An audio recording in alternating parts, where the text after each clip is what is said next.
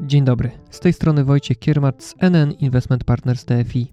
Zapraszam na cotygodniowy flash rynkowy, a w nim jak obecna sytuacja w gospodarce może wpływać na fundusze obligacji i kto wygrał najnowszy ranking IKE i IGZE. Zaczynamy. Roczne tempo inflacji w Polsce było w listopadzie niższe niż w październiku. Wynika z szybkiego szacunku Głównego Urzędu Statystycznego. Zmiana niby niewielka, 17,4% w porównaniu do prawie 18% miesiąc wcześniej. Jednak dla tych, którzy bacznie obserwują gospodarkę, to jest to dość zaskakująca i pozytywna wiadomość. To pierwszy raz od kilkunastu miesięcy, gdy roczne tempo wzrostu cen spadło, a nie wzrosło. Pomijam luty tego roku, gdy wprowadzono tarczę antyinflacyjną. No więc, czy to oznacza, że inflacja przestanie już rosnąć na dobre? Niekoniecznie. Szczyt inflacji jest prawdopodobnie dopiero przed nami. Chociażby dlatego, że na początku roku pewnie przestanie obowiązywać tarcza antyinflacyjna. I chociażby dlatego, że wciąż wysoka jest inflacja bazowa, czyli taka, która nie uwzględnia ceny żywności i energii. Większość analityków z polskich banków spodziewa się, że szczyt inflacji nastąpi w lutym na poziomie ponad 20%, po czym spadnie, ale ustabilizuje się na dwucyfrowym poziomie jeszcze przez większość 2023 roku. Wskazuje na to również listopadowa projekcja Narodowego Banku Polskiego. Wiadomość, od której zacząłem, jest jednak elementem szerszej układanki. Tempo wzrostu gospodarczego na świecie wyraźnie zwalnia, więc banki centralne będą coraz bardziej ostrożne w dalszym podnoszeniu stóp procentowych, które uderzają w aktywność firm i gospodarstw domowych. Informacje ze świata i dane o polskiej inflacji prawdopodobnie utwierdzą Radę Polityki Pieniężnej w tym, żeby nie podnosić już stóp procentowych. Iwona Duda, nowa członkini RPP, powiedziała, że obecny poziom stóp jest optymalny, a dalsze ich podnoszenie mogłoby prowadzić do zduszenia gospodarki. Jeśli tak, to jest to dobra wiadomość dla spłacających kredyty, ale też dobra dla uczestników funduszy obligacji. Dlaczego? Stopy procentowe ustalane przez RPP wpływają na rynkowe stopy procentowe, a te z kolei na notowanie obligacji. Jeśli stopy procentowe szybko rosną, to ceny obligacji spadają. Przypomnę, jak to działało.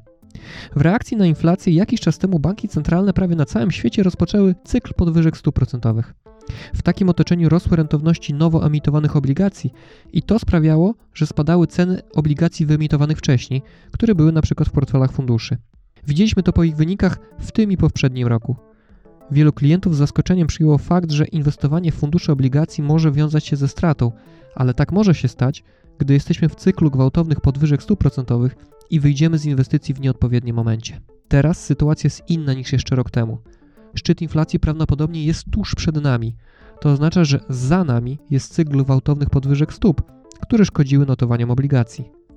Obecnie w portfelach funduszy pracują już obligacje o znacznie wyższych rentownościach niż jeszcze rok temu, a ryzyko, że rynkowe stopy procentowe będą dalej tak szybko rosnąć, wyraźnie spadło.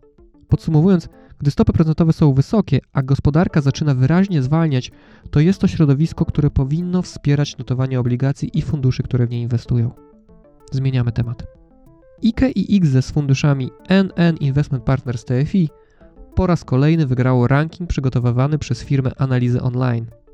To zasługa bardzo dobrze ocenionej oferty funduszy oraz naszych wyników na tle konkurencji. Przypomnę, że IKE i IGZE to dwa rodzaje indywidualnych kont służących do odkładania pieniędzy z myślą o emeryturze, dzięki którym albo nie zapłacimy podatku od zysków kapitałowych, tak jest w IKE, albo co roku obniżymy nasz PIT. Taką możliwość daje IGZE. Wciąż stosunkowo niewiele osób ma takie konta, pomimo niekorzystnych zmian demograficznych, które obniżą realną wartość państwowych emerytur w przyszłości. IKE i IGZE są dostępne w różnych instytucjach finansowych, ale najpopularniejsze są te z funduszami oferowane przez Towarzystwa Funduszy Inwestycyjnych. To właśnie takie funduszowe IKE i IGZE zostały ocenione w najnowszym rankingu analiz online. Dla nas pierwsze miejsce w tych rankingach to duże wyróżnienie, bo analitycy naprawdę kompleksowo oceniają cały produkt, zarówno pod kątem wyników funduszy w krótkim i długim okresie, jak i pod kątem tego, za ile i do czego dostaje dostęp uczestnik IKE. Punkty można otrzymać więc nie tylko za to, że konta można uruchomić i prowadzić bezpłatnie, ale także za dostęp do środków przez internet i aplikacje, a także za szeroki wybór funduszy, akcji, obligacji, surowców mieszanych czy też cyklu życia. To tyle na dziś. Do usłyszenia za tydzień.